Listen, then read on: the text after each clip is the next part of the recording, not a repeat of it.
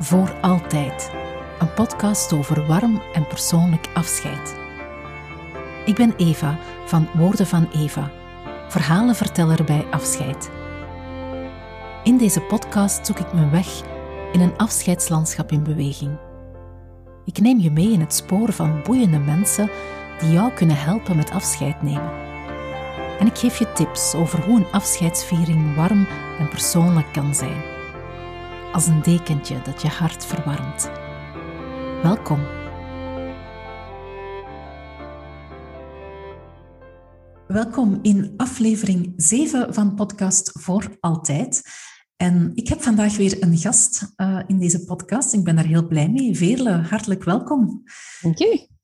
We gaan het vandaag hebben over rituelen bij afscheid. En jij bent een ritueelbegeleidster.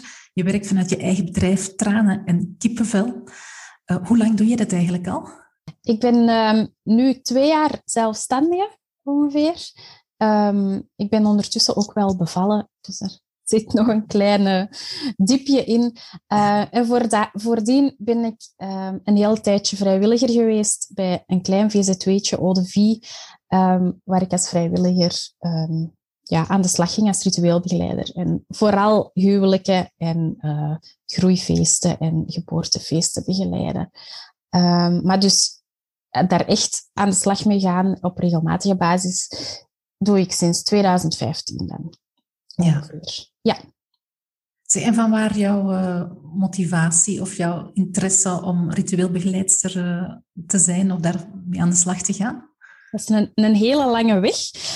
Ik ben altijd geïnteresseerd geweest en op zoek gegaan naar zo de zin van het leven en de onzin van het leven ook. Ja, um, en, en wat is geloof? Wij gingen thuis naar de kerk, maar wat is dat dan? En hoe ga ik daarmee om? Als eh, twaalfjarige uh, heb ik ook echt bewust beslist, ik ga mijn vormsel doen en ik wil hier meer over weten. En dan naar de plus 13 en zo.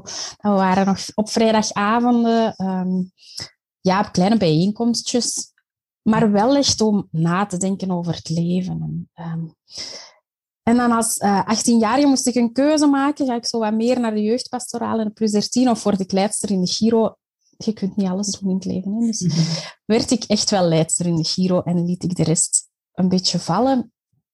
En daar ben ik, ja, heb ik mij verder ontwikkeld, ook op zo'n stilvalmomenten um, te organiseren in, in mijn Giro-groep ja, dat was wel belangrijk, hè? bezinningen en, en kampvuurmomenten. En, um, dat deed ik heel graag om daarover na te denken. Hoe kunnen we op alternatieve manieren stilstaan bij thema's, uh, brede thema's, maar op creatieve manieren ook. Hè? Want met kindjes, dat mag wel actiever zijn. Um, en dan ben ik ook later als, uh, als kadervrijwilliger um, mee beginnen werken in de grote Giro en ook als educatief medewerker nog als beroepskracht. Um, en daar richtte ik mij ook echt zo op de zingevingsmomenten. Hoe kunnen we groepen daarbij ondersteunen, bezinningen maken, kleine momentjes uh, en ja, ook nog wel eucharistievieringen. Daar was nog wel, is eigenlijk nog wel echt vraag naar in de Giro. Maar al, altijd zo dat speels en dat creatieve mm-hmm. vond ik wel, wel heel belangrijk. En ik dacht dan, ja, dat moet toch ook buiten de Giro kunnen. er zijn toch ook gewoon mensen die daar nood aan hebben. Um, inderdaad, bij groeifeesten, maar ook in een huwelijk of, of bij een overlijden. Het, het mag toch...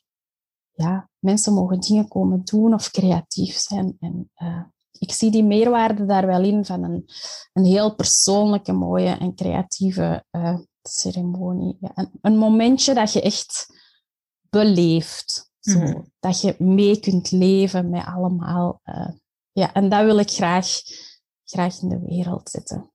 Ja. Zo, dat, dat is zo één padje van mij. Een ander padje, ja, ik heb ook gewoon theologie gestudeerd, godsdienstwetenschappen en beeldende kunsten ook. Dus dat is het andere padje waar logisch gewijs uh, iets uitkomt. En een belangrijk moment is wel toen ik twintig was ongeveer, is, um, ik zat al in een andere giro ondertussen door leidingstekort, maar is de zus van uh, een leidster overleden, mijn jeugdvriendinnetje, haar zus. Um, dat, ja, dat was een heel harde klap, ook voor de giro natuurlijk. En toen had ik het gevoel, hier wil ik mee mijn schouders onder zetten. Ik zit niet meer mee in de giro, maar afscheid nemen, rouw, dat is zo belangrijk. Voelde ik toen aan, want ik had daar nog niet zoveel over gelezen. En dan ben ik wel echt mee uh, medeleden gaan ondersteunen daar. De, de, vriendinnetjes van het meisje dat overleden is, mee afscheid gaan laten nemen, um, mee gaan groeten. Zeggen dat alles oké is. Dus dat is zo wel de eerste keer dat ik dacht, ik wil iets doen met afscheid. Maar toen dacht ik ook, ik ben nog jong, ik ga dat wel laten, laten rusten. Dus ik deed dan ervaring op bij Eau met huwelijken, met geboortefeesten. En, uh, en bij Eau had ik wel het gevoel, dit is zo wat de, de stijl waar ik mee verder wil. Um, en de oprichters daarvan die hadden opleiding gevolgd, uh, ritueel begeleiden bij afscheid bij het moment. Een Nederlandse opleiding die ook in Antwerpen werd gegeven. En dan dacht ik, ja, dat, dat ga ik dan doen. Ja. Dat is helemaal mijn ding. Voilà, dus dan ben ik de opleiding ritueel begeleider gaan volgen. En vanuit die opleiding ook, die past helemaal bij mij, heb ik het gevoel dat er, ja, dat persoonlijk afscheid nemen, dat dat gewoon een heel grote meerwaarde is.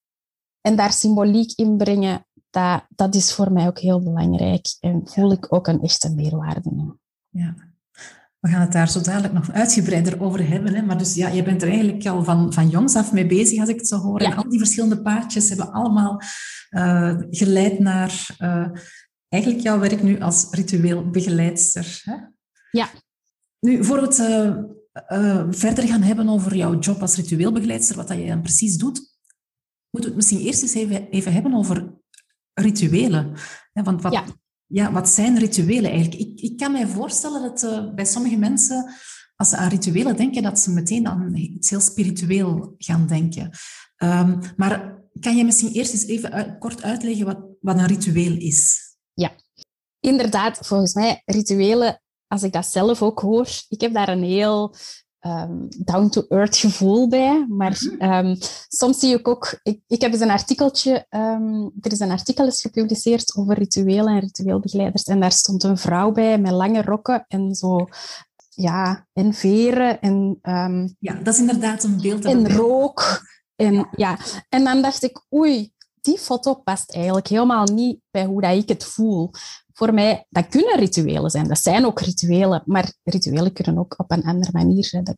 Mm Een ritueel, het woord kan heel zwaar klinken of kan heel zweverig klinken, maar voor mij, uh, en misschien leg ik het wat theoretisch uit, maar voor mij zijn rituelen um, symbolische handelingen. Iets wat we doen, wat dat, um, dat een, een betekenis in zich draagt. Dus we geven op een fysieke manier vorm aan iets wat, dat, uh, wat dat niet gemakkelijk uit te drukken is in woorden. Of uh, we geven vorm aan iets om wat dat we wel uitdrukken in woorden op een manier nog te ondersteunen met een handeling. Wat, dat, wat dat de, beleving, de beleving dieper maakt of op een andere manier maakt met, met al onze zintuigen. Mm um, ja, omdat ik buiten een religieuze traditie sta, um, leg ik mij toe op rituelen vooral die, um, die verandering vormgeven, overgangsrituelen. En een ritueel in een kerk kan ook gewoon het, ja, gewoon, dat is ook niet zo gewoon, maar uh, de relatie met het goddelijke benadrukken. Um, dat, dat doe ik minder. Ik, ik doe niet, niet wekelijks een ritueel. Ja, een, een voorbeeld om, om in theorie misschien wat duidelijker te maken, is uh, het lintenritueel. En het lintenritueel dat is ontwikkeld in Nederland, maar ik vind dat zelf wel echt heel sterk en heel mooi. Voor het sluiten van de kist worden er um, verschillende linten in de handen van de overledene gelegd. En dan worden die linten over de kist naar buiten gehangen, hè, zo wat verspreid. En dan wordt het deksel uh, toegedaan. Okay. En uh, tijdens de viering wordt er met woorden natuurlijk ook duidelijk gemaakt dat we afscheid moeten nemen. Um, maar komen er uh, nabestaanden, de dichtste nabestaanden, komen één voor één een stuk lint afknippen. Mm -hmm. Letterlijk vormgeven aan, we moeten die levensband dat we hadden, is nu doorgeknipt door het overlijden. Ja.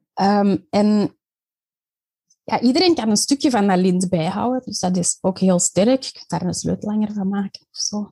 Um, maar een ander stukje blijft ook gewoon bij de overledene in de kist. Ah, ja. Dus er is een symbolische verbondenheid die altijd blijft. Ja. Dus het is hè, een symbolische handeling die je doet om iets te versterken. Of, ehm, En, en die spiritu- spiritualiteit dan voor jou, waar zit die daar voor jou ergens in? ja, er heeft wel spiritualiteit mee te maken voor mij. Op dat niveau dat, dat voor mij ja, spiritualiteit ook gewoon in het holistisch mensbeeld zit. Mhm. Een, een, een mens is voor mij iemand die fysiek is, die emotioneel is, die rationeel is en die ook spiritueel is. En de ene mens neigt wat meer naar het andere. Gewoon op zich, dat mensbeeld, dat is voor mij ook al ehm, een spirituele visie.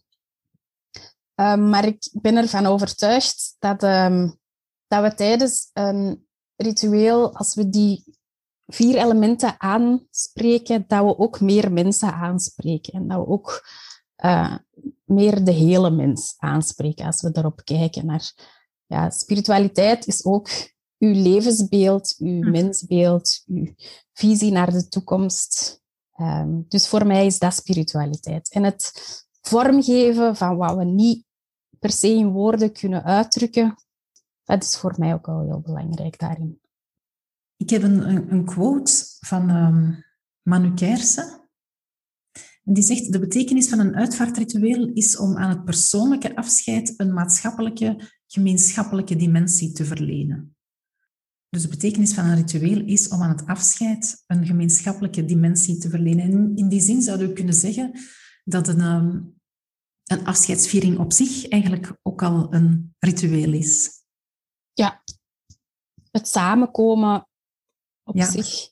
Ja, ja en, en het binnen verbinden. dat grote ritueel kan je nog... Hè, Kleine rituelen. Ja. Ja. ja. Ik denk ook waar, waar je nu op wijst, hè, op die verbondenheid, dat dat uh, ook een deel is van de spiritualiteit of, of de Ja. visie daarvan. Ehm, ja, die rituelen en, of gewoon zelfs de ceremonie, dat, dat is een mogelijkheid tot het uitdrukken van die verbondenheid. Mhm. En uh, ja, verbondenheid tussen mensen, maar ook de verbondenheid met een groter geheel. Daar verwijzen we toch echt naar of dat dat natuur is of dat dat het goddelijke is. Of, uh, en, en de verbondenheid met de overledene, die wordt ook benadrukt tijdens de ceremonie. Dus ik denk dat, dat, dat we sowieso met spiritualiteit bezig zijn in een uitvaartceremonie. Naar mijn mening, hè. dat is voor mij Ja, ja, ja. spiritualiteit. Ja. ja. Ik had ook een quote van Manu Kersen. Ja, oké. Afscheid nemen is niet loslaten, maar op een andere manier vasthouden. Dat is ook een redelijk bekende. En ik denk dat rituelen en symbolen daaraan kunnen bijdragen ook aan dat op een andere manier vasthouden. Of dat op een andere manier verbonden voelen met, met iemand. Um, zo hebben we bijvoorbeeld voor um, een man die dat heel zijn leven straten heeft gelegd over heel Vlaanderen. Maar ook eigenlijk in het verhaal van de kinderen kwam naar voren dat hij ook figuurlijk de weg had geplaveid voor zijn kinderen en zijn kleinkinderen. Dus die weg, dat pad, dat bleef maar terugkomen. En wij hebben voor hem zijn laatste weg gelegd door iedereen een steentje op de kist te laten liggen bij het afscheid. Ja, ja. En die steentjes die konden daarna verzameld worden en in een mooie schaal of, of in een vaas um, ergens centraal gezet worden in het bedrijf. Of, um, Ja. Dus dat is ook wel een sterk beeld om u verbonden te blijven voelen met die persoon, bijvoorbeeld. Ja. Ja, mooi. Uh, mooi voorbeeld. En het, uh, het, toont ook aan dat een ritueel niet per se heel groots of, of zo moet zijn. En dat kan, uh, dat kan ook door kleine dingen te doen. Heel kleine heel veel, heel veel waarden hebben en heel veel uh, betekenis hebben. Hè? Ja, daar geloof ik ook echt in. In die kleine, ja, de kleine momentjes of de kleine verwijzingen. Um, nog niet zo lang geleden um, heb ik verwezen naar een, een krokus. Um, een man die heel graag op reis ging en dus van de zon hield. En de krokus die komt op als de zon. Hè? Begin ja. van de lente. was ook een kok, dus ik heb verwezen naar de safraankrokus. En um, ja, een paar weken later stonden die krokussen daar ineens. En ik moest denken aan die man, uh, die eigenlijk hè, helemaal niet in mijn leven eh, een belangrijke betekenis heeft, dus, heeft betekend. Maar ik hoop dat, dat ik dat dan voor de nabestaanden ook kan doen. Zien ze krokussen in het gras, dat ze ook weer terug aan die persoon denken. En, ja, en dat is ook het mooie aan, uh, aan persoonlijke afscheidsvieringen, vind ik. Of dat je dat nu met ritueel doet, met woorden. Het gaat sowieso om die symboliek en, belangrijke symbolen voor de persoon die overleden was het, gaat verder dan gewoon wat vertellen over het leven. Of we zetten een paar teksten na elkaar en een liedje daartussen en, en wat foto's en voilà, we hebben een viering. En zo kan het natuurlijk ook. Maar voor mij is het verschil net bij een persoonlijke afscheidsviering met rituelen of met woorden, dat je echt gaat, gaat uh, op, die, op die symbolen gaat inzetten. Hè. En, en inderdaad, dat, blijft, dat zijn dingen die blijven hangen en die troost bieden aan mensen. Hè. Uh, tijdens de viering of nadien. Ja. ja, en ik denk ook, want ik heb ook wel wat ervaring bij, uh, bij huwelijken en, dus mhm. andere ceremonies. Ik denk ook dat daar heel sterk kan zijn om die symbolen binnen te brengen. Bijvoorbeeld um, een koppel die, die heel graag aan het, aan het vuur zit in hun, in hun eigen huis in de winter, maar eigenlijk ook jeugdbewegingsmensen zijn.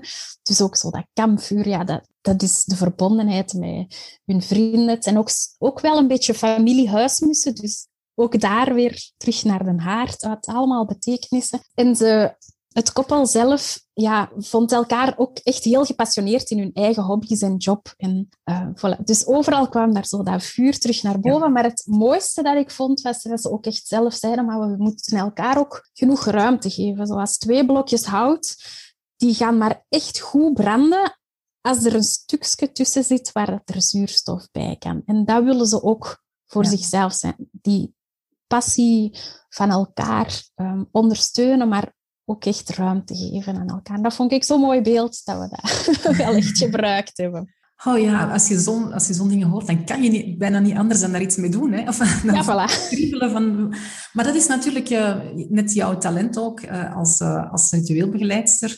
En misschien kunnen we daar die overgang maken, want we hebben het nu gehad over wat zijn uw rituelen. Ja, jij gaat ermee aan de slag als ritueelbegeleidster, maar wat doe je dan precies of hoe pak je dat aan als je een vraag binnenkrijgt? Ik ga, denk ik, zoals uh, de gemiddelde ceremoniespreker naar de familie thuis. En ik luister vooral echt uh, naar het verhaal. En het hangt ervan af, maar bij een afscheid um, hebben we niet veel tijd. Dus uh, is er meestal maar één gesprek en ga ik dan zelf aan de slag. Um, bij een huwelijk of bij een groeifeest zijn er meerdere gesprekken weten we op voorhand. Dus dan wordt er wel ook echt gecommuniceerd over, ik denk aan, aan dit symbool, zullen we dat zo vormgeven, is dat fijn. Bij een um, afscheid gaat dat wat sneller. Uh, soms doe ik gewoon iets en zullen de mensen het wel zien. Maar soms uh, bij een actieve familie die ook echt betrokken wil zijn, die ook zelf nog dingen wil doen, zeg mhm. ik wel op voorhand, is dit fijn? Kunnen jullie daarvoor zorgen? In samenwerking met de, met de familie. ja, ja maar daar dus wel meestal over de symboliek kunnen jullie voor zand zorgen. Dat ook echt van de zee komt, van de plek waar ze vaak op vakantie gingen, bijvoorbeeld. Hè. Dat, er zijn situaties waar, waarin er sowieso gezegd werd, ja, morgen moeten mij niet bellen, want ik ga nog even naar de zee. Hè. En om net die rust in te bouwen. En als je dan nog kunt bellen, maar neemt ook ineens een pot zand mee, ja. dan, voilà, dan zijn ze vertrokken natuurlijk. Ja ja. Ja, hoe, ik zelf nog aan de slag ga met, met mijn eigen familie, was dat natuurlijk wel gemakkelijker. Dan heb ik ook wat meer, meer ruimte. Met mijn, het overlijden van mijn grootmoeder.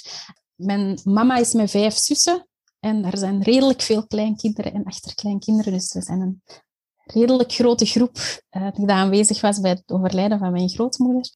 Daar hebben we voor gezorgd dat de achterkleinkinderen in een apart zaaltje uh, gingen zitten. En daar hebben we een apart verhaaltje voor geschreven. Dus de, de grote ceremonie wilde ik zeker niet op mij nemen. Maar nee, dat wil ik je eigenlijk nog vragen. Omdat je zegt, van mijn eigen familie is het eigenlijk makkelijker. Ja, op een manier om, om input te geven. Ja, ik heb het niet zelf, uh, niet zelf begeleid. Maar ik heb wel het stukje met achterkleinkinderen begeleid. Oké. Okay. Um, ehm, ook omdat daar duidelijk de vraag was, zullen we iets doen? Mm -hmm. um, mijn grootmoeder die naaide heel veel. Dus uh, we hebben daar een moe naaimachine van gemaakt die kapot was. Zo'n een verhaal daar rond. Um, en ze haalde haar bakjes leeg uh, aan het einde van haar leven. En daar waren allemaal vlaggetjes in en een groot een grote lijn, hè, een, Mhm.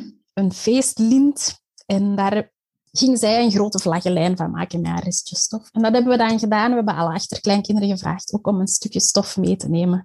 Hebben we aan een draad gereigd. En dat terug mee naar de grote viering gebracht. En daar hebben de dochters, dus mijn mama en haar zussen, hebben dan voor hun, voor hun kleinkinderen altijd het stukje afgeknipt. Naar analogie met dat lintenritueel om het verbreken van de band. Maar toch ook die verbondenheid te houden. En we hebben dat lint ook mee eh, naar de begraafplaats genomen om daar te liggen. Ja. Dan is het, ja, ik bedoel, dan, dan is het gemakkelijker om iets binnen te brengen. Je kent je familie gewoon, Tuurlijk. hè, dus je weet Ja. ja. wat wel of niet gaat werken. Zeg, jij eh, werkt altijd op maat, neem ik aan? Of heb jij een soort van template liggen dat je soms kan gebruiken voor vieringen? Ondertussen kan ik wel wat plukken, maar ik werk altijd op maat. Ja, ik luister naar wat de familie wenst of niet wenst. En zelfs als de familie zegt, kies jij de muziek maar, dan ga ik op zoek naar wat ik denk dat passend is. Ja. Ja. Ja, bij een persoonlijke viering kan je eigenlijk niet anders dan op maat werken. Hè? Want omdat het net zo persoonlijk is, ja, ga je op zoek naar wat, wat erbij past. Eh, zijn er dingen die je net wel of net niet doet tijdens een afscheid? Zijn er dingen waarvan je zegt van nee, maar dat, doe ik, dat doe, ga ik sowieso nooit doen? Of, of dat doe ik eigenlijk bijna altijd? Of, Ja, ik begeleid overledenen niet naar, eh, naar het hiernamaals. Ik ben geen eh, christelijke voorganger, dus ik werk eigenlijk meestal niet voor de overledene. Hoewel dat wel zou kunnen, als ik daar nu over nadenk. Hè. Als je weet dat je gaat sterven, kunnen we even op voorhand een gesprek hebben om te kijken wat gaan we wel of niet doen met de dienst. Maar meestal werk ik voor, ja, voor, de, voor de nabestaanden. En Mhm. gaan we rond het afscheid werken en hoe dat, dat voor ons voelt. Terwijl ja, als achtergrond theoloog een kerkelijke viering gaat ook echt over de overledene en het begeleiden ja, naar het paradijs van de overledene. En dat is iets um, wat ik niet zal doen. Daar zijn andere mensen voor. En evenveel respect voor hen, dat is gewoon een andere. Tuurlijk, ja. Zie je? Ja. ja. Hoe komen mensen bij jou terecht? Werk jij met begrafenisondernemers samen? Ja, ik heb enkele begrafenisondernemers die, die mij opbellen. Het is heel moeilijk om een groot klantenbestand uit te bouwen voor, ja, er is iemand overleden, we bellen Veerle. Ik hoop dat dat in de toekomst nog wel gaat gebeuren, maar ja. op twee jaar kun je dat ook niet verwachten. Dat dat is, is uitgebouwd natuurlijk. Maar, uh, dus ik krijg niet per se mensen die specifiek voor mij kiezen. Dus ik, in praktijk ben ik ook vaak ceremoniespreker die probeert die symboliek en die rituelen uh, mee ja, in een ceremonie vorm te geven, zonder dat het heel erg opvalt. Of dat is wat aftoetsen bij de familie. Dan willen jullie wel iets doen of willen jullie niets doen. Maar het, het kan ook echt heel klein zijn. Zo was er een vrouw die, haar, die ook duidelijk aangaf, een man die aan kanker redelijk jong, de kinderen waren aan het verder studeren. En de vrouw zei echt, ja, we hebben elkaar door het leven gedragen. Op de momenten dat het moest of, of op manieren die we deden. Hè. Zij kocht de kleren voor hem, want dat vond hij niet leuk, maar andersom. um, en zij heeft hem een grote foto naar voren gedragen aan het begin van de ceremonie. En ook aan het einde terug meegenomen. Haar symbolische manier om te zeggen, we hebben dat ook vormgegeven in woorden natuurlijk. We hebben elkaar gedragen en ik doe dat nu nog. Dat is voor mij genoeg als symboliek en als ritueel. Vind ik heel fijn als dat eruit kan komen uit een gesprek. Ja. ja.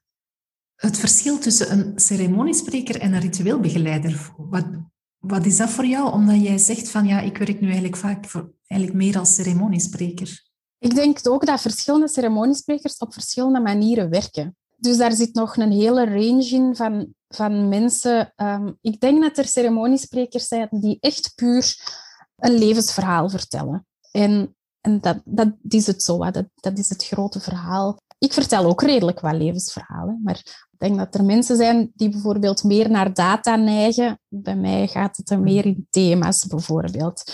Ja. Uh, maar ik ben ervan overtuigd dat ceremoniesprekers ook zo werken. Hè? Dus dat we die hele range hebben.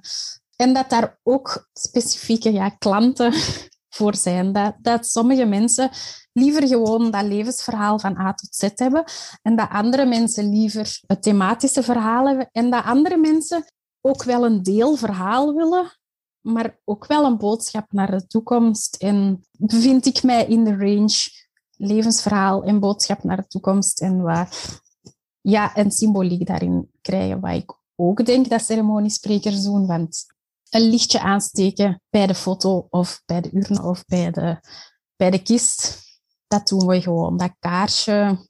Ja, of bijvoorbeeld het, uh, het groeten hè, op het einde van, uh, of, of is dus niet, maar vaak op het einde. Um, dat is zo'n, eigenlijk ook een ritueel, hè, dat, dat bijna altijd gebeurt. En dat ik ook altijd enorm aanraad bij mensen om, om te doen. Ik heb een paar keer al gehad in een viering dat mensen dat, dat families dat niet wilden. Maar je merkt dat, dat heel veel mensen daar gewoon wel een soort van nood aan hebben om zo nog persoonlijk een laatste afscheid te kunnen brengen. En dat ze vaak ook niet goed weten hoe dat ze dat moeten doen. Dus ik denk dat daar ook een belangrijke rol in zit om, om dat te faciliteren en, en te zorgen dat iedereen zich daar comfortabel bij voelt en, gewoon uh, ja, een persoonlijk afscheid kan nemen. Dus ik denk dat dat zo'n ritueel is, bijvoorbeeld, dat, dat heel vaak gebeurt zonder dat er daar een ritueelbegeleider uh, uh, inspiratie voor, voor geeft. Hè. Ja, zeker. En heel belangrijk dat dat inderdaad gebeurt. Hè? Mm -hmm. Het aangeven wel, maar dat dat doet jij ook waarschijnlijk. Hè. Hoe dat het kan, hoe dat je daar nog kunt staan, dat is uw meerwaarde natuurlijk. Ja, ehm, ja ik ben een beetje aan het denken over zo die, hè, de, hoe profileer je? Jij, jij zegt daar, ik ben ritueelbegeleider. Ik zeg, ik ben verhalenverteller. Maar dat overlapt elkaar. Hè. En het, is, het is niet van, ja, jij doet alleen rituelen, jij vertelt alleen verhalen. Nee, eh, ik denk een, een echte, een echte uh, ja, we, moeten ons, we, hebben geen gemeenschappelijke termen. uh, maar inderdaad, eh, die symboliek daarin brengen, een stuk verhaal vertellen, maar niet van dan is hij geboren en dan is dat gebeurd en dan is dat gebeurd. Ja, dat kan iedereen. Hè. Dat, ook nog niet iedereen. Maar... Nee, ook nog niet iedereen, dat is ook waar. Maar ik kan me voorstellen dat het voor mensen ook niet altijd eenvoudig is om te weten van ja, bij wie moeten wij nu terecht? Hè? Want ja, er, moeten wij nu naar een ritueel begeleid? Moeten wij nu naar een, verhaal vertellen? Moeten wij gewoon naar de begrafenisondernemer en regelt die het allemaal voor ons? dat is zo nog iets dat, eh, dat denk ik voor veel mensen heel onduidelijk is. Ja, dat is ook wel mee een reden waarom ik um, ook andere impulsen wil geven rond rituelen en dat op mijn social media bijvoorbeeld ook probeer te doen om het gevoel te geven, dit zijn rituelen. En, en dat past bij mij. En als dat ook bij u past, dan zijn wij een ideale match. Ja, voilà. Um, en ik, we moeten niet altijd een ideale match zijn om, om iets moois te maken. Maar ik ga echt in mijn element zijn als er mensen naar mij komen die zeggen: hey, wij willen misschien niet in de aula en wij willen graag iets doen op die plek. Daar zou ik heel gelukkig van worden. We willen iets doen. Natuurlijk moeten daar woorden bij zijn. Natuurlijk, um, allee, natuurlijk ja, we gaan zien hè, hoe, dat die woorden... Zijn die woorden gedrukt? Worden die woorden gesproken? Zijn, er zijn zoveel mogelijkheden. Maar dan ben ik echt in mijn element. Dus ja. ja. Het, tijdens, tijdens het spreken in een aula ook. Hè. Maar zo net dat meer, dat past helemaal bij mij. Zeg, voel jij soms weerstand um, bij mensen ten opzichte van rituelen? Als ik een, een speels ritueel uitleg, um, zoals dat we um, nu met de, met de wijk gewoon hebben we vlaggetjes opgehangen, in, allee, lintjes opgehangen in uh, een boom op het plein om stil te staan bij één jaar corona. We hebben gewoon op Facebook van de Tuinwijk een groep een oproep gedaan. En de mensen die daar zin in hadden, die hebben, die hebben meegedaan. Als ik daarover spreek, dan gaan mensen heel graag mee. Want dat, dat is gewoon even stilstaan en iets fijn om met de kinderen mee te doen. Tijdens een uitvaart vind ik het soms wel moeilijk om zo in de week... Ja, het is, je hebt maar een week. Er zijn mensen die gewoon graag willen zitten en er hoeft niks gedaan te worden voor hen. Allee, zij hoeven niet per se iets te doen. Mhm. Ehm, en ik doe dan wel voorstellen, misschien kan dit, misschien kan dat. Ik doe dat ook niet altijd, hè. maar als ik een idee heb. Ja, en het is inderdaad aanvoelen hè, van uh, wat wil deze familie. En... Ja, maar echt weerstand voelen, ja, ik, ik voel ook wel zelf een innerlijke weerstand tegen een term ritueelbegeleider. Maar ik, dat ja, is interessant. Dat is heel interessant niet een innerlijke weerstand. Ik voel mij echt ritueelbegeleider en ik heb een heel positief gevoel bij het woord rituelen. Maar, uh, maar ik voel dat andere mensen het woord ritueel wel wat moeilijk vinden. Bij ritueel denk je misschien ook wel aan ritueel slachten of daar zitten ook negatieve connotaties bij. Dus daar heb ik het zelf wel wat moeilijk mee. Met, met hoe benoem ik mij. Zie jij de afscheidswereld veranderen? Of zie jij trends uh, binnen de uitvaartwereld? Ja, misschien is dat ook gewoon echt een hoop. Maar ik denk dat die hoop wel gevoed wordt door, uh, door veranderingen. Nederland staat misschien een beetje voor op ons, dus daar kunnen we al wat, ja. wat trends zien passeren. Maar er is ook een groot verschil tussen Vlaanderen en Nederland. Dus sommige dingen gaan we gewoon niet overnemen. Ik denk dat we meer gaan, of evenveel blijven cremeren en dat er in Nederland meer begraven wordt, bijvoorbeeld. Dan. Daar gaan we niet veel aan veranderen. Ik zie veel uitvaartondernemers aulas bouwen, zoals hier drie straten verder, om niet-kerkelijke uitvaarten ook dicht bij huis te laten uh, doorgaan, om ook die tijdsdruk niet te hebben die je in uh, de grote crematoria hebt. Het is heel fijn dat je op het gemak bij een aula in een uitvaartondernemer um, aan de slag kunt.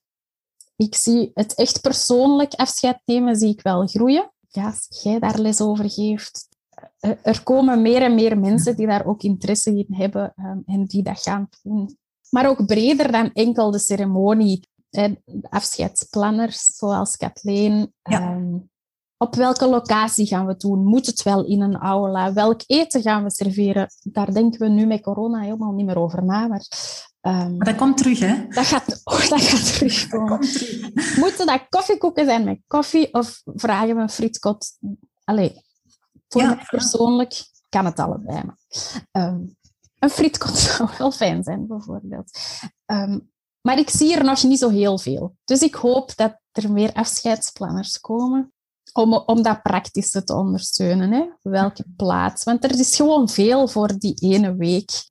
Dat, dat, dat, je wel in die oude schuur kunt, maar dat er iemand zorgt voor een geluidsinstallatie en dat je dat niet moet doen. Ja. ja. Ik hoop zelf dat is een persoonlijke hoop, dat we ons bewuster gaan worden van onze ecologische voetafdruk, ook in de uitvaartwereld. Er zijn ook echt mooie kunstenaars die mooie urnes maken, dat we daar meer... Uh, sommige dingen vind ik gewoon niet mooi in een uitvaartwereld.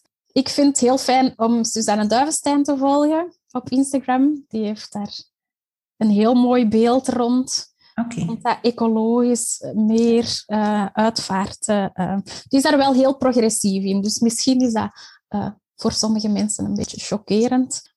Een heel fijne vrouw om, om te volgen. En nu is er, ontdekte ik net Vanessa Boel. En die is opstartend in Antwerpen met, met Troost. Denk ik dat je het zo ja. uitspreekt. die wel echt afscheidsplanner wil, wil worden binnenkort. En op mooie manieren daar echt naar op zoek gaan. En ik denk dat er ook al wel een tijdje meer aandacht is voor, uh, voor rouwenden. En ook zo wat specialiseren, wat ik um, ook gehoord heb van, van een vriendin. Um, het is heel pijnlijk om je kleine kindje, kistje in zo'n hele grote auto te zien vervoerd worden. Um, en nooit vergeten is een nieuwe uitvaartondernemer specifiek voor, voor kindjes die overleden zijn. Ja. Um, ik denk dat dat zo wat de trends zijn die ik zie. En ik hoop dus vooral op dat heel persoonlijke, op, andere, op persoonlijke locaties waar uh, wij als um, ceremoniespreker en ritueelbegeleider voilà. mee een plek krijgen. Ja. Zeg jij jouw eigen persoonlijke plannen voor de toekomst? Geen grote plannen het gemak verder uitbouwen waar ik mee bezig ben. Maar ik hoop wel um, meer naar mijn ideale klant um, te gaan. En dat ja. zou moeten groeien. Dus inderdaad, mensen die graag iets willen doen, ook die, die meerwaarde echt zien in symboliek. Um, misschien iets speelser willen of iets creatiever willen doen. Die mogen vanaf nu allemaal jouw kant op komen. Mijn laatste vraag, Veerle, en ik stel deze vraag aan al mijn uh, gasten in deze podcast. Wat is het mooiste compliment dat jij al gekregen hebt na een afscheidsviering? ik ga, ik ga iets nemen dat niet bij een afscheidsviering gezegd is, ja, maar bij een huwelijk. Um, en het, het was zelfs nog niet na de viering, maar gewoon na het eerste gesprek. Een koppel dat bij mij kwam en eigenlijk, ja, die wilde heel graag trouwen, maar hadden wel wat moeite, vooral de vrouw, om van voor te staan en in de belangstelling te staan. En ze zei na het eerste gesprek, amai, ik heb hier echt heel veel kunnen zeggen. Gewoon wat ik wilde zeggen, hoe ik ben. En, en dat ze zich op haar gemak voelde om dat te kunnen doen. En dat denk ik dat een heel mooi compliment is. En ik denk ook dat dat in ons werk heel belangrijk is om mensen tijd en ruimte te geven om op verhaal te komen. Dat dat een, naast het schrijven is dat voor mij echt heel belangrijk. En dat ik die openheid wil bieden aan mensen om te kunnen zeggen wat ze willen zeggen. Een heel mooi compliment. En ik ben heel blij ook dat je dat aanhaalt, want dat is zo een deeltje van het werk dat, dat, dat niemand ziet natuurlijk. Hè? Of dat, uh, als je aan een ceremoniespreker denkt, ah ja, dan, dan denk je aan degene die daar dan dat verhaal staat te vertellen, of het ritueel begeleidt, of de, de, de ceremonie begeleidt. Maar daar gaat natuurlijk heel wat aan vooraf. En schrijven is evident, maar inderdaad, het, uh, we geven mensen de kans om, om te vertellen, om uh, hun verhaal te doen. En dat is zo belangrijk. Hè? Ja. ja, en tijdens een, een uitvaartweek is dat vaak zo even het tot rust komen. Het eerste momentje van rust en zitten op je stoel en niet te veel nadenken. Allee, het laten komen, er moet wel nagedacht worden vaak. Maar ja, ja, dat vind ik ook echt heel belangrijk, een heel belangrijk moment. Ik wens veel families zo'n moment toe bij jou. Ik wens je veel succes op jouw, eh, op jouw verdere pad en, en op jouw verdere pad naar jouw ideale klanten. Um, Vele, geef misschien nog even je website mee waar mensen informatie over jou kunnen terugvinden. Ja, www.tranenenkippenvel.be. En wilt je mij zoeken op Instagram of op Facebook, is dat ook onder tranen en kippenvel. Oké, daar kan iedereen alle informatie over jou vinden of jou volgen. Super hartelijk bedankt voor dit gesprek. Uh, ik, vond het, ik vond het heel fijn. Um, het was voor mij ook wel verhelderend, omdat ik, ik, ik noem mezelf nooit een ritueelbegeleidster. Ik, ben, ik, ik voel mezelf echt een verhalenverteller. Maar ik, ik voel dat er toch heel veel uh, overlappingen liggen, en zeker in die symboliek. Dus dat is eigenlijk wel fijn om, uh, om te horen. En laten we samen verder bouwen hè, aan dat, uh, dat pad van, van persoonlijk afscheid en mensen de kans geven om ja, op een mooie, warme, persoonlijke manier afscheid te nemen. O, zo belangrijk. Hè? Helemaal waar. Vele, super hard bedankt en veel succes met al je toekomstige plannen nog. Hè. Jij bedankt dat ik hier mocht zijn.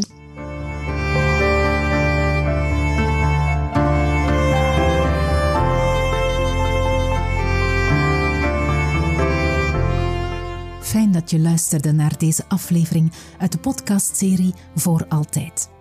Ben je fan? Abonneer je dan zodat je geen enkele aflevering mist. Vertel gerust ook over deze podcast aan iedereen waarvan je denkt dat hij of zij er iets aan kan hebben. Meer info over Voor Altijd en over mij vind je op www.woordenvaneva.be of volg me op Facebook of Instagram.